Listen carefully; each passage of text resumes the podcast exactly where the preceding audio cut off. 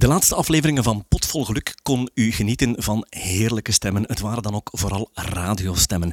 We hebben ook een leuke stem vandaag in onze studio hier, maar het is op een heel ander vlak.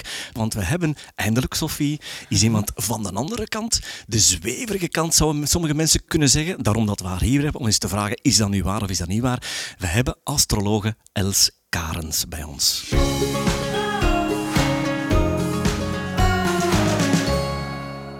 Ik ben zelf bij Els Kares terechtgekomen en ik was zo onder de indruk van haar jarenlange kennis en studiewerk rond astrologie. En dan heb ik bij haar eens mijn persoonlijke radix laten opmaken. En een radix, als ik het goed voor heb, Els, is dat eigenlijk mijn horoscoop. Dat klopt. Dat is de blauwdruk van de hemel, hoe dat die stond op het moment dat jij geboren werd. Dus die blauwdruk heb ik dan ook in ontvangst gekregen met heel veel kleurtjes en lijntjes en uh, symbolen. En wat hoorde daarbij? Een 31 pagina dik boek met ja, een complete ja, uitleg van hoe ik in elkaar zit, hoe mensen mij zien. En ik was er zo van onder de indruk dat ik daar wil induiken. Het heeft mij in ieder geval een richting gegeven naar geluk. Vandaar dat ik het vind dat, ik dat het ook enorm goed past in onze podcast. En ik wil er heel veel over weten. Ik denk dat we eerst eens moeten uitklaren heel belangrijk. Jij zegt het is mijn horoscoop. Ik vraag aan Els, dit is absoluut niet de horoscoop, zelfde woord, wat wij van in de weekmagazines te lezen krijgen. Hè? Dat is niet een horoscoop. Nee, dat is iets totaal anders. Nee, dat kan je eigenlijk geen eh, horoscoop noemen. Want dat wordt meestal ook niet geschreven door astrologen.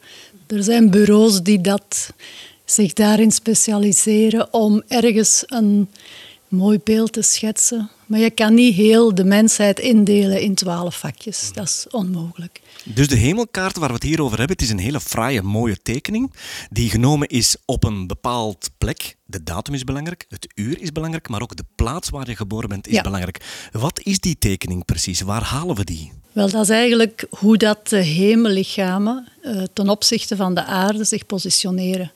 En al die hoeken, die krijgen een bepaalde plaats in de radix. Dus wat je ziet op de kaart, dat zie je eigenlijk jou op de aarde staan.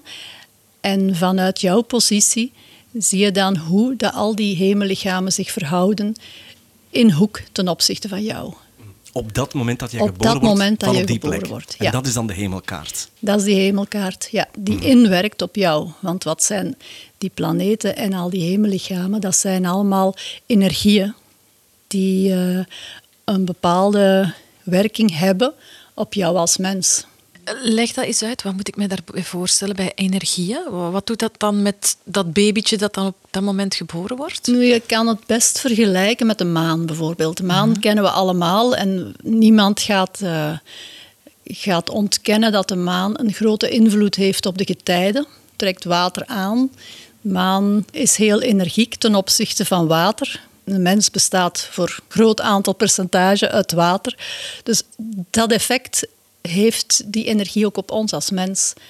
En als de maan, wat een satelliet is van de aarde, zo'n grote invloed heeft op de aarde en op ons, ja, dan kan je voorstellen dat ook al die andere planeten een immense invloed hebben, energetisch gezien, op ons als mens. En dat is eigenlijk een beetje wat dat in kaart gebracht wordt eh, door de radix. En hebben de planeten ook invloed op elkaar? Ja. Dus ja. ik kan me voorstellen, stel dat de maan nu heel kort bij, eh, ik zeg nu maar iets, bij Mercurius staat, dat dan die invloed ook weer bepalend of anders kan zijn. Ja, dus de posities van de planeten tegenover elkaar, die versterken of verzwakken elkaar. Elke planeet heeft een andere, een andere invulling. Ja, elke planeet staat voor een bepaalde ehm, archetype waar dat wij als mens ja, mee te maken hebben. Hè. Bepaalde karaktertrekken, bepaalde functies die wij gebruiken of niet gebruiken, waar dat we dan sterk in zijn, waar we minder sterk in zijn. Dus eigenlijk alles wat wij als mens doen en niet doen. Hoe zijn we daar ooit bij terechtgekomen? Bij het eh, ontdekken dat een welbepaalde planeet een uitwerking heeft op een welbepaalde omstandigheid of een karaktertrek. Hoe hebben we dat ontdekt? Ja, dan moeten we eigenlijk, denk 25.000 jaar teruggaan. En ehm, daar zijn dus uh, ja, in grotten tekeningen van gevonden dat de mensen toen al de hemel in kaart brachten. Dan ehm, werd dat gebruikt meer om ehm, ja, klimaatsredenen. Dus de mensen zijn eigenlijk beginnen met naar de hemel te kijken om te weten welke cycli van seizoenen dat we kregen. En dat is dan door de eeuwen heen geëvolueerd naar, um, laten we zeggen in de oudheid, om naar de, met de farao's, om te kijken van oké, wanneer gaan we oorlog voeren en wanneer niet.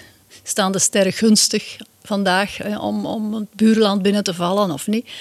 Elke koning, ook nog totdat eigenlijk het christendom te goed gesetteld was, had vroeger een, een astroloog in dienst. Mm Als je ziet, Merlijn in de tijd, ja, dat was een astroloog. Hè. Dat waren mensen die keken in de sterren om bepaalde dingen voor de koning te bepalen, voor wanneer dat, uh, de tijd goed was om iets te doen. De astrologie is geen religie. We aanbidden die planeten niet. We, werken daarmee, we stellen daar diagnoses mee, maar we aanbidden die planeten niet. Maar dat is wel een beetje eh, wat de kerk wou beweren. Dat we mhm. die, ja, een soort van heidensheid, heidendom, en dat mocht niet. Hè. Maar de andere kant, en dat is mijn mening, de mensen zouden dan een beetje te slim en te machtig zijn. Ja, het was om, ons onder de knoet te houden. Ja, ja. Ja, Nu, we gaan waarschijnlijk een beetje last krijgen met wetenschappers als we zeggen dat dit een wetenschap is. Ik heb wel eens een heel pittige discussie gehad en die zei van astronomie is een exacte wetenschap, mhm. maar astrologie is een interpretatieleer. Wat vind jij daarvan?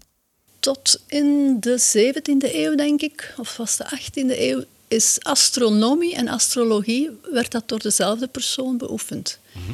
En daarna, uh, toen zijn we een beetje de, ja, het industriële tijdperk ingetuikeld en dan moest alles uh, bewezen worden. En dan gingen ze alleen als wetenschap aanzien hetgeen dat uh, visueel met feiten kon vastgesteld worden. Natuurlijk, de astrologie, dat is iets dat niet Ehm, onmiddellijk kan gemeten worden. Dat gaat, ze gaan op de efemeride voort om te bepalen waar die planeet staat en welke invloed die heeft op een bepaalde plaats in de aarde, dus waar jij als mens bent.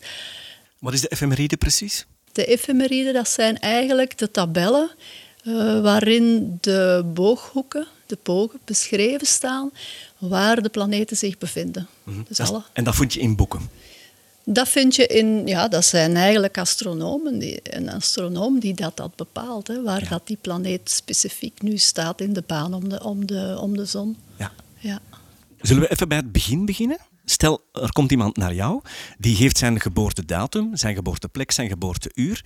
Jij haalt uit de software de radix, dus die hemelkaart. Ja. En wat ga je dan beschrijven of hoe ga je te werk? Wat heeft die klant daaraan? Er zijn enorm veel manieren om naar een radix te kijken. Je hebt heel veel strekkingen binnen de astrologie zelfs. Uh, voor mijzelf, ik uh, hou me meer bezig met de westerse astrologie.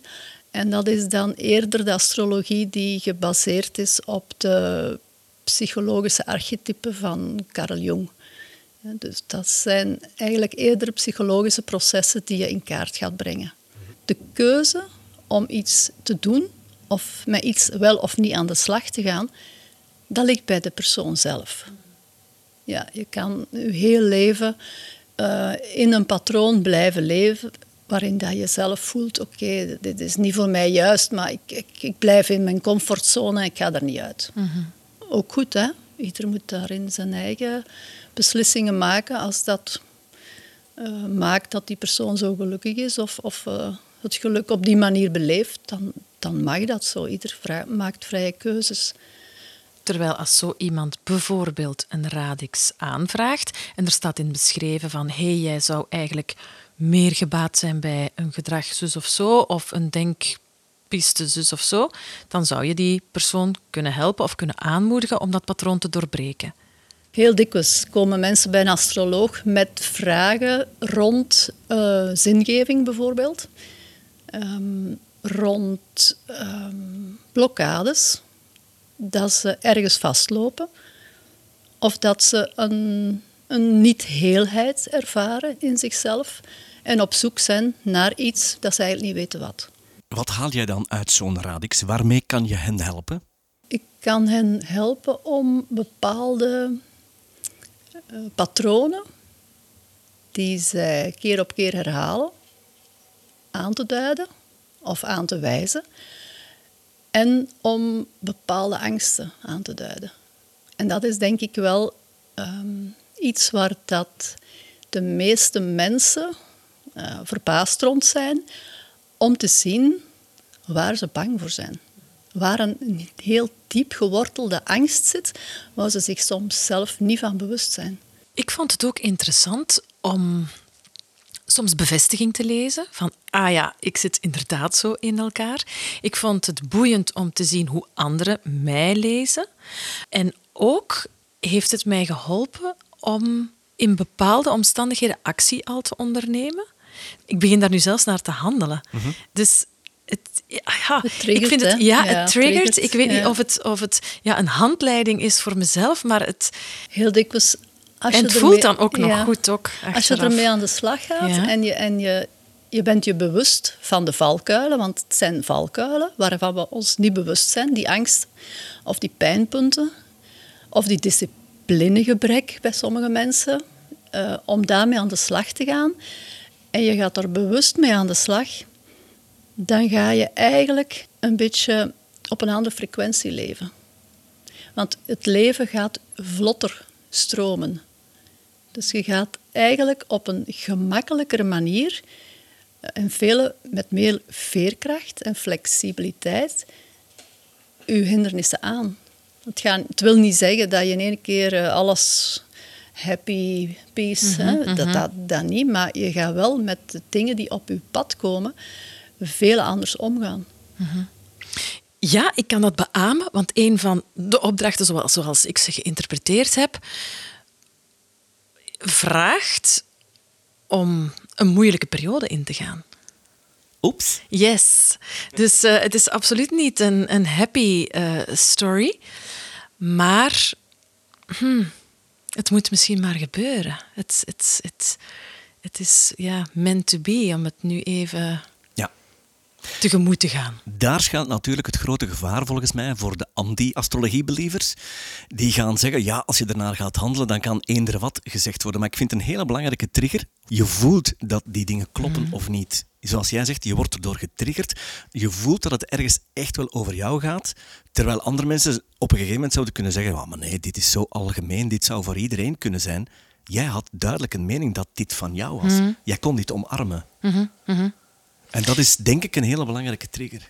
Ja, plus ja, ondertussen heb ik al met verschillende mensen, ik heb heel veel reclame gemaakt, ehm, eh, een radix laten maken en hebben daar ook heel veel al over gesproken. En ja, mijn blauwdruk is duidelijk niet de blauwdruk van iemand anders en, Nee, enzovoort. nee, dat kan ook dus niet, nee. dat vind ik ook wel echt ehm, fascinerend om te zien dat het wel echt ja, van toepassing is op die persoon. Elke mens is anders en elke mens is uniek. Het is maar om de 25.000 jaar dat er eenzelfde radix terugkomt. Dus het is dus elke mens die nu op aarde leeft, heeft een unieke radix. Ik heb me dezelfde vraag gesteld van hoe zit het dan met tweelingen? Want die worden op dezelfde moment, op hetzelfde uur quasi, op dezelfde plaats geboren. Hoe en toch uniek... kan dat nog verschil zijn. Ja, want hoe Ja. zit dat dan Ja. juist? Die, die worden nooit op dezelfde minuut geboren. Er zitten Nee, altijd maar- een paar minuten tussen. En, maar staat het sterrenstelsel dan zo anders op die paar minuten? Ja, ja de maan bijvoorbeeld, die, die, die beweegt heel snel. Om, om, op 28 dagen gaat die rond de aarde. Dus die beweegt eigenlijk een paar graden per dag, per, per, per minuut. Die schuift op. Wat maakt ook, als je een radix bekijkt, als je een beetje de schijf bekijkt, een radix wordt ingedeeld in twaalf huizen. We hebben de twaalf dierenriemtekens van de zodiac. De zodiactekens zijn eh, de dierenriemtekens van ram tot vissen. En we delen ook de radix in in twaalf huizen. Die huizenindeling, dat gebeurt ook binnen een bepaalde booggraadverdeling. Wat maakt dat misschien bij die tweeling die zijn maan in huis 1 valt en bij zijn broer of zus in huis 12. Betekent dat dan dat, een, dat tweelingen per definitie bijna dezelfde personen zijn, met dezelfde karaktertrekken, met dezelfde archetypische houdingen? Uh, in zekere zin wel, maar toch kunnen die aspecten naar die maan toe, of die verhoudingen van die ascendant bijvoorbeeld, een beetje verschillen. Mhm. Wat maakt dat die in, in wezen ook anders omgaan met hun, hun uh, specifieke ja, karaktertrekken, DNA. Want we moeten, ook, we moeten ook altijd wel meenemen dat een mens uh, is lekker een plant. Als een plant geen water krijgt, ja, dan gaat hij dood. Wat wil zeggen, je kunt een persoon met een heel mooi potentieel in zijn radix volledig vernietigen. Door die niet de juiste voedingsbodem te geven in zijn jeugd. Mhm. Dus jij bedoelt eigenlijk dat wat de persoon ermee doet, ook van belang is. vrije keuze. Hè? Ja, boven, bovenop de blauwdruk of het potentieel dat ze meekrijgen. Ja, tuurlijk. Ja. Je hebt een, een potentieel, je hebt een, je, je sterktes en je zwaktes. Hoe dat jij daarmee omgaat, dat blijft altijd eigen keuze. Ik wil even terugschakelen. Dit is een podcast over geluk. Wij zijn op zoek naar geluk. Wij willen tools aanreiken om geluk te vinden. Stel dat ik morgen met een heel optimistisch gevoel naar jou kom en ik zeg: Ik wil mijn leven gelukkiger installeren. Waar gaan we dan zoeken? De, eigenlijk de zielsbestemming, hè, dat is het, het, het punt dat jou als ziel het meeste geluk kan brengen. Dat vinden we in de Noordknoop, de noordelijke maansknoop. Dat is zo'n beetje het koptelefoonnetje dat je ziet staan op de tekening. Hoe ga je daarmee aan de slag? Stel, ik heb mijn noordelijke maansknoop in Steenbok. Wat betekent dat dan voor jou? Uh, de, de tekens zijn eerder een beetje generatiegebonden. Want de noordelijke maansknoop die doet er 29 jaar over om ze een tour te maken. Maar de steenbok, ja, die willen iets neerzetten. Mm Steenbok is een beetje het meest ambitieuze teken van de dierenriem. En die willen iets neerzetten. Dus die willen eigenlijk iets in de materie verwezenlijken. Ja, en bij Sofie is dat waarschijnlijk anders. Waar staat jouw noordelijke maandknop, Sofie? Mijn noordelijke knoop staat in Maagd. In het eerste huis. Wat betekent dat? De noordelijke maansknoop in het eerste huis, ja, dat is vooral dat jij als uh, persoon uw identiteit moet neerzetten. Dus je gaat u als uh, persoon manifesteren en vooral alles doen om die persoon te zijn die jij bent.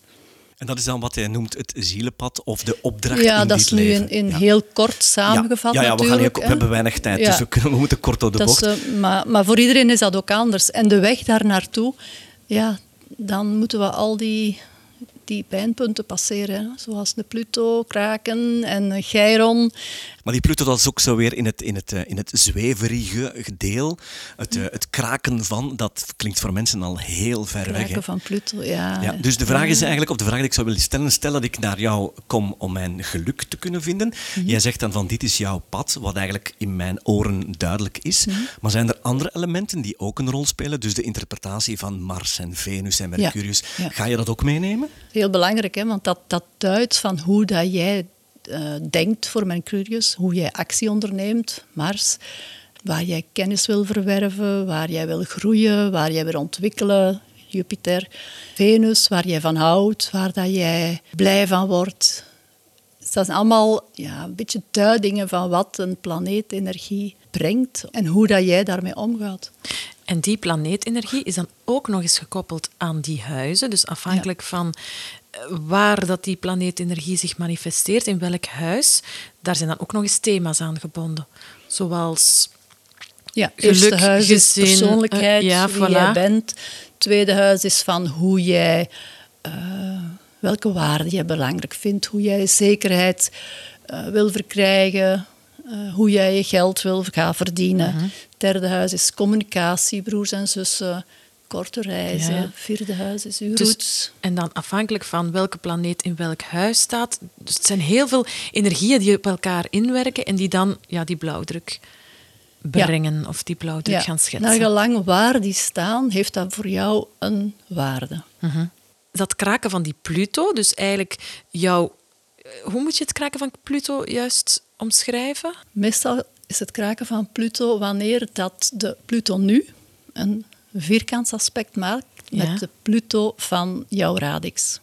Ja, ja. Als dat moment, en dat kunnen we kijken in de efemeride, Want dat vond ik bijna nog het belangrijkste om te lezen. Om de weg naar geluk te vinden van wat is jouw Pluto om te kraken? Welke angsten moet jij overwinnen en welke moeilijke situatie moet je gaan doorstaan? Of waar moet je ergens... eh, Pluto is altijd in overgave gaan. Kan je zo'n paar voorbeelden geven in welke omstandigheden we dat kunnen vinden? Bijvoorbeeld als je nu Pluto in 3 hebt, dan is het belangrijk dat je leert om waarachtig te communiceren. Zonder achterhouden van uw waarheid. Dus uw waarheid durven spreken. Als je dan met Pluto werkt en je gelooft in reïncarnaties, dan weet je dat je vroeger in een vorig leven bent doodgegaan omdat jij jouw waarheid hebt verteld. Ja. En dat is een angst die jij meedraagt in jouw rugzak van het verre verleden. Maar een angst die zo gegrond zit in jouw ziel, die zit in jouw DNA. En die angst maakt dat jij letterlijk een kleine dood moet sterven om te durven praten over jouw emoties en over jouw waarheid. Dus dat is echt wel heel diep gaan. En het huis waarin die Pluto staat, die gaat dan min of meer de omstandigheden aanwijzen. Die gaat de, levens, de levensomstandigheid aanduiden of de levensomgeving aanduiden waar dat, dat gebeurt. Derde huis is communiceren. Ja. Dus iemand met de Pluto in 3 die moet podcasts maken in het tweede deel ja, van zijn heel leven. mooi. hè? Ja, ja. perfect. Die Pluto kraken is toch echt iets heel Het is een lang- het is een intens. lang proces. Ja, maar voor Ja, sommige mensen gaat intens, dat hè? als vanzelf. Hè? Ja, is dat zo? Ah ja. Mensen die vrij weinig harde aspecten hebben, die weinig spanningen ervaren. Mijn man die heeft bijvoorbeeld één mooi eh, groot groen driehoek. Ja, Dat is tot leven fietsen. Hè? die fietst Ja, leven heen. ja. Hè? Die heeft ook een Pluto in drie, maar die gaat daar op een, op een manier mee om. Ja, dat... dat, dat dus pas op, die is niet altijd happy. En, en Mhm. eh, die heeft ook zijn, eh, zijn crisissen wel. Maar op een manier... Die kan zich ook niet voorstellen dat iemand depressief kan zijn. Ah ja.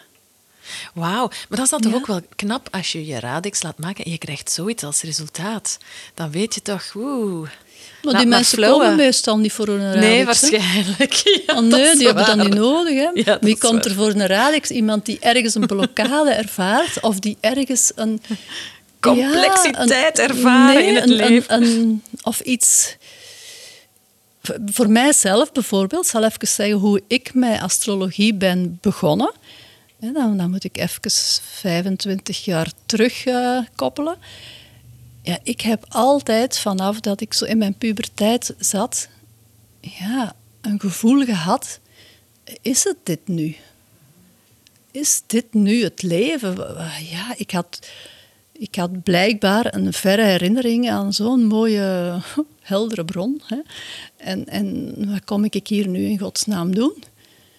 En dan ben ik op mijn, met mijn Saturnus terugkeren, want dat is bij veel mensen rond hun 9, 8, 29 jaar een cruciaal punt.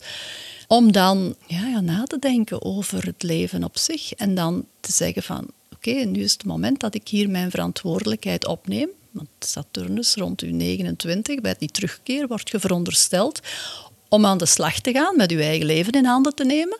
Daarvoor waren uw ouders nog eh, en, en alle, mensen die u opgevoed hebben nog vrij. Die invloed was nog sterk. Maar rond die leeftijd gaat bijna iedereen zelf het leven in handen nemen en kiezen van wat ga ik met mijn leven doen. En bij mij was dat een moment van oh, heel diepe inkeer en eigenlijk depressie en, en zoeken naar. Dus die, die terugkeer van Saturnus betekent eigenlijk, als ik het even vrij mag interpreteren, je maakt even een afrekening van het leven dat je tot, tot dan toe had. Ja. En je gaat door of je verandert dingen. Dus je hebt duidelijk dingen veranderd dan. Ik heb dingen veranderd, ja. En niet direct, want ja, ik ben een stier. Dus dat duurt altijd heel lang voor stieren, voordat die iets veranderen. Dat is waar. Dan moet er dan ook nog rekening mee houden. ik bevestig. Ja. Ben jij ook een stier? Absoluut. Ja. Ik, ik zeg dikwijls, wij zijn als een kapitein op een boot en die boot ligt bijna op zijn zij vooraleer dat wij aan het rad gaan draaien. Ja, een stier is heel wij wachten volhardend. heel lang vooraleer dat we actie ondernemen. Ja, Ja, ja. verandering is heel moeilijk Ik ben tegenovergestelde. Ja, maar jij bent een ram, hè? Ja, ram is actie. Bijvoorbeeld een upgrade van een software blijft ermee weg, want ik moet er niet mee hebben. Het werkt, laat me Ja, gerust. ja, zo denk ik ook. Ja, ja dat is het. Maar weet je, door die dingen leer je jezelf kennen. Ja, je En geniet van het leven dus. Ja, ja. Van de kleine dingen, hè? Ja, ja. Ik, ik heb eigenlijk in die astrologie mezelf leren kennen. Mhm. En mezelf le- le- leren aanvaarden zoals ik was en ben. Ja. Omdat je, ja, Ja. ik had zo altijd het gevoel dat ik iemand anders moest zijn. Mhm. Is een radix dan een leidraad? Een kompas. Wat moeten we ermee doen? Een kompas. Ja, dus het ligt het- hier nu voor mij. Ik zou het, Wat moet ja, ik het is, het is iets wat dat je, denk ik, eh, door het leven heen af en toe terug opneemt en herleest. En je zal er altijd andere dingen in lezen. Mhm. Omdat op dat moment andere dingen jou bezighouden. Dus ik heb mijn radix. Maar daarnaast kreeg ik van jou ook een solaar. Eigenlijk een soort van een jaarhoroscoop. Maar daar ben ik dan weer iets anders.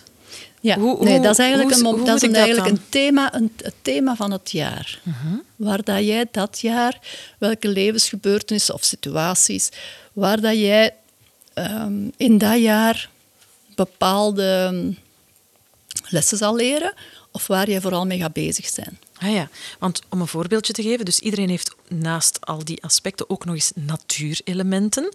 Dus vuur, aarde, lucht of water. In mijn globale radix heb ik 51% water.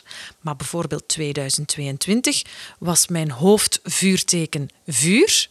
En nu ga ik naar aarde gaan. Klinkt dan een beetje saaier dan vorig jaar, maar... Nee, dat is meer eh, in de materie vormgeven. Hè. Dat is heel mooi. Hè? Ja. Vuur is actie. Niks Ja. mis met aarde, hè, Sophie. Oh, ik moet er nog een beetje aan wennen. En het is heel raar, maar ik voel het precies al dat ik aan het veraarderen ben. Ja. Jij bent meer vuur en water. Zo. Ja, ja, gronden. Nu, vuur is uiteindelijk wel ram. Jij komt met zoveel ideeën, met zoveel initiatieven, met Ja, zoveel acties wil- af. ja, Jouw ja. lichaam is, is, is zeer belangrijk. Dus het is normaal dat jij een beetje van aarde wegblijft. Maar misschien maar moeten ze een beetje gronden, hè? Ja. maar waar zit dan mijn basis? Hè? Laat ons zeggen nu vuur en, en, en water. Nu moet ik ineens naar aarde gaan. Wa- wa- Waar blijft mijn blauwdruk Nee, dan? je gaat nergens naartoe. Je bent en je blijft volgens uw radix. Dat is uw, dat Ja. is uw gegeven en dat is wie jij bent. Maar die jaarhoroscoop die geeft aan eh, waar je het jaar, van verjaardag tot verjaardag, hè, want dat is een solaar, Ja. waar jij dat jaar door uitgedaagd wordt. Om dingen te doen. Want ja, niet elk jaar is hetzelfde. Je hebt jaren dat je misschien niet zoveel dingen in gang zet. Een vuurjaar zal je veel dingen in gang zetten, maar een aardejaar zal je die dingen vormgeven en neerzetten. Dus de radix blijft eigenlijk de basis. Dat blijft het, het, eh, Verandert nooit. het hè? platform, het fundament. Nee. Maar de solar geeft enkel weer wat het thema van dat jaar Ja, is. het thema van dat jaar. En dat, dat geeft geen karakterwijziging, maar dat geeft mogelijk wel een, een eh, gedragswijziging. Ik moet gaan dimmen, hè. Is het waar? Ja, ik denk het. Dat is die aarde, hè? Ja, En lukt het? kijk al een beetje tegenop. Oké, nog eens even helemaal terugspoelen. Mhm. Dus ehm, iemand die bij een astrologe gaat, die kan, als hij ver wil gaan, ehm, zijn zielenangsten te weten komen, zijn zielenpad, ook een stukje van zijn karakter trekken, die hebben we ook gehad. En ook zijn solaar, dat is het thema van elk jaar. Ja, dat loopt altijd van de ene verjaardag tot een andere, maar dat begint al ongeveer soms zes weken voor de verjaardag te werken. Ik denk dat we het ook eens moeten hebben aan de combinatie met iemand anders. Dus in relaties, die andere persoon heeft ook een horoscoop. Daar hebben we ook nog wel wat mogelijkheden, denk ik. Heel Hoe- veel. Hoe ga je daarmee aan de slag? belangrijk vind ik wel dat je eerst de twee personen volledig de radix doorlicht. Want ja, je werkt met twee aparte personen. En dan ga je kijken hoe die in relatie tot elkaar, bij elkaar... Dat kunnen, relatie kan verbreed zijn. Hè. Dat kan partner, man-vrouw relatie, dat kan ouder-kind relatie zijn, dat kunnen vriendenrelaties zijn. Maar één op één relatie, dat kunnen we een composiet horoscoop gaan maken. Ja. Dus dan kan je eigenlijk zien, dat is een werkhoroscoop. Dan kan je zien wat dat die relatie, wat die mensen bij elkaar komen doen. Mhm. Waar die aan werken samen. Dus je krijgt een soort van eigenheid krijgt van een die volledig relatie. nieuwe Ja. horoscoop, dus een nieuwe radix. Ja, en wat leg je precies op elkaar? Je hebt twee radixen op elkaar en waar stem je nee, op af? Nee, ik maak een volledig nieuwe radix. Ja, dat werkt met mijn midpunten. Mhm. Dus bijvoorbeeld bij de ene staat de zon in, in Ram, bij de andere in, ehm, in Leeuw en dan pal daartussenin. Ja. Dat is de nieuwe. Ik heb dat dus laten doen. Dus ik heb met... eh, mijn man heeft een radix laten maken, ik een radix. En dan is Els dus aan de slag gegaan om, dat, eh, om daar een relatiehoroscoop van te maken. Ja, dat is wel pittig, hè? Ja. Ehm, Is er een verdict? eh, er is een verdict, ja. Nu zijn we heel nieuwsgierig. Er is een verdict. Ehm, ja, het is gewoon heel confronterend ook om te lezen en, en boeiend tegelijk. En het, het, het nodigt uit tot gesprek. Hè. Dus dat al, alleen al is al boeiend om daar eh, ja, samen over te spreken en ook wel herkenbare dingen te zien en wat dingen te kunnen uitspreken. en dat dan weer te accepteren, te erkennen. Zijn jullie ermee aan de slag gegaan met die composithoroscoop? Eh, daar gaan we nu mee beginnen, denk ik. Hè? Ah, oké. Dan- Dus aarde, de- eh, er komt nog veel. Ja, er is, er is Je hebt de nog werk aan de winkel. dat is de werkhoroscoop. En dan heb je ook de combine. De Wat is de combine? De combine is als je in die relatie een zielsverbinding hebt. Dus je kan kijken of dat mensen echt als ziel gekozen hebben om bij elkaar te zijn. Maar iemand waarmee je als ziel een pad hebt gekozen, dat wil zeggen dat je elkaar dingen komt leren. En bij elkaar eh, ja, uw ziel opdracht komt volbrengen. ja. Dat dat lukt, ja, dat hangt eraf van uw inbreng natuurlijk. Hè. En de combine kan totaal verschillend zijn van de composiet. Ja, is ook totaal verschillend. Ja, totaal verschillend. Dat brengt ons uiteraard bij de vraag die we moeten stellen. Is het waar dat een bepaald zonneteken bij een ander zonneteken wel of niet past? Daar zijn boeken vol over geschreven. Bijvoorbeeld een ram past bij een weegschaal of niet. Ik vind het zelf vrij deterministisch. Wat vind jij ervan? Nee, dat past. Ik zou dat niet zo durven duiden. Nee, dat is We te- zetten dat bij de boekjes astrologie? Ja, Oké, ja, ja, dat door ja. journalisten geschreven Dat, wordt. dat, hè? ja, dat, is- dat is te, te kort door de bocht. Ja, dat merk je nu ook heel veel in, eh, op social media. Hè, van die twee Yes. eh, samen, wat, wat nee, geeft want dat dan dan? bijvoorbeeld zou ik met mijn man nooit samenpassen. En, Ah, ja. ja. Want er wordt nu heel veel over geschreven en gedaan. Blijkbaar is astrologie absoluut in de lift. Ja, meer en meer eh, voel je dat de mensen daar toch wel eh, naar op zoek zijn. Omdat eh, vooral die zingevingen in Ja. het leven naar binnen keren. En, en we worden, denk ik, van alle hoeken van de aarde. Bij de mensen die zich dat kunnen permitteren. Hè, met alle respect voor de mensen die in, in gebieden zitten waar dat dan niet kan.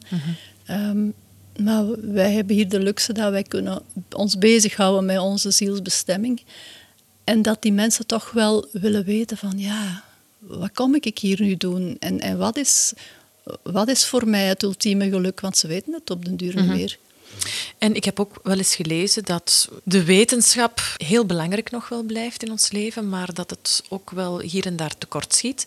En dat zoiets als zingeving en astrologie daar nu mooi naast komt staan. Dus dat het voor vele mensen een aanvulling is op de klassieke wetenschapsaspecten. Ja, Erken jij dat, zoiets? Of hoe, zie- hoe, hoe zie jij dat? we hebben zoveel nood hè, voor de jeugd.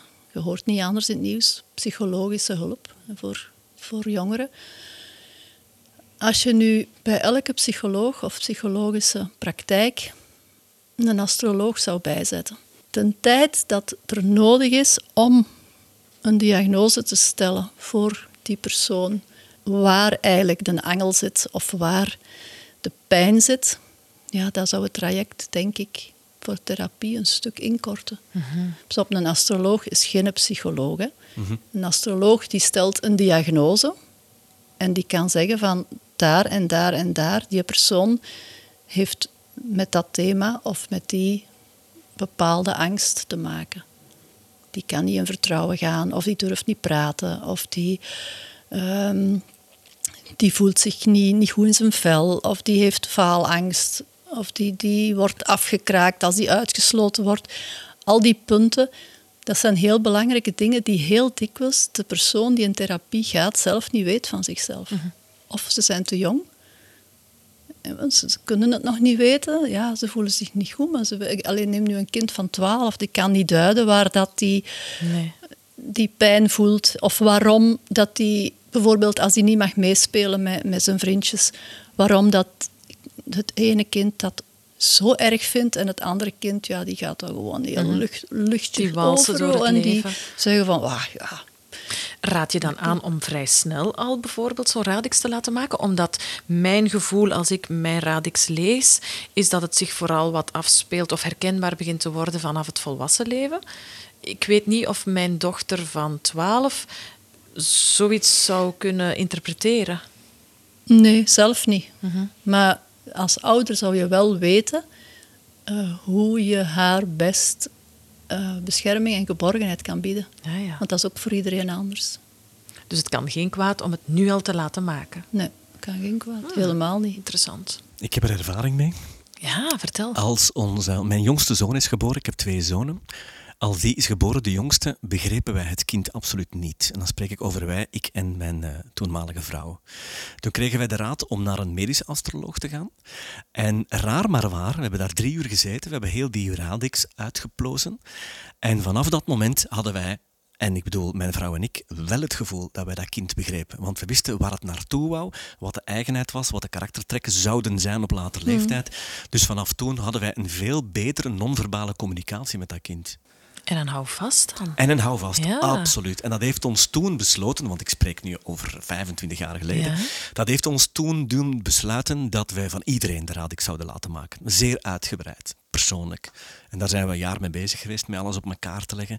En ik heb daardoor mijn jongste zoon, die op dat moment ja, toch al een beetje introvert was en toen al een stukje timide, en we hebben nu de beste verstandhouding die we kunnen, die we kunnen hebben. Eigenlijk krijg je daar een koffer met tools van hoe Absoluut. moet ik uh, Dat is volgens mij ook de radix, als uh, Els mij uh, wil tegenspreken, mag ze dat, maar de radix is volgens mij een koffer vol tools, een soort van wegenkaart, ja. een soort van, van potentieel. Mag ik ja. dat zo stellen? Ja, kompas. Het is een mm -hmm. kompas van je leven en je kan dat volgen. En je kan dat, ehm, ik denk, als je het volgt, dat je leven gewoon een beetje op een hogere frequentie gaat lopen. Mhm. En veel meer stroomt. Dat je veel minder tegenwind krijgt. Waarom? Omdat iedereen is anders. Iedereen is anders en iedereen moet ook zijn eigen kunnen zijn. En we mogen dan niet mensen in vakjes plaatsen. Een kind dat heel veel vuur heeft, ja, dat moet je niet in een ren zetten. Hè. Mhm. En zo zijn we helemaal terug bij het punt aanbeland waar we begonnen zijn. Beste luisteraar, ben jij tot hier geraakt? Dan wens ik jou van harte proficiat te wensen. Want dit was zeker niet de makkelijkste aflevering die we gemaakt hebben. Wens jij hierop te reageren? Dan kan je ons vinden op hallo.potvolgeluk.be of je vindt ons ook via social media. Maar laat absoluut van je horen wat je er ook van vindt. En dan wil ik Els van Happy Souls heel graag bedanken voor jouw aanwezigheid en voor jouw toelichting. En ik hoop dat we hier hiermee weer een aantal mensen op, pad hebben gezet naar geluk. Dankjewel voor de uitnodiging.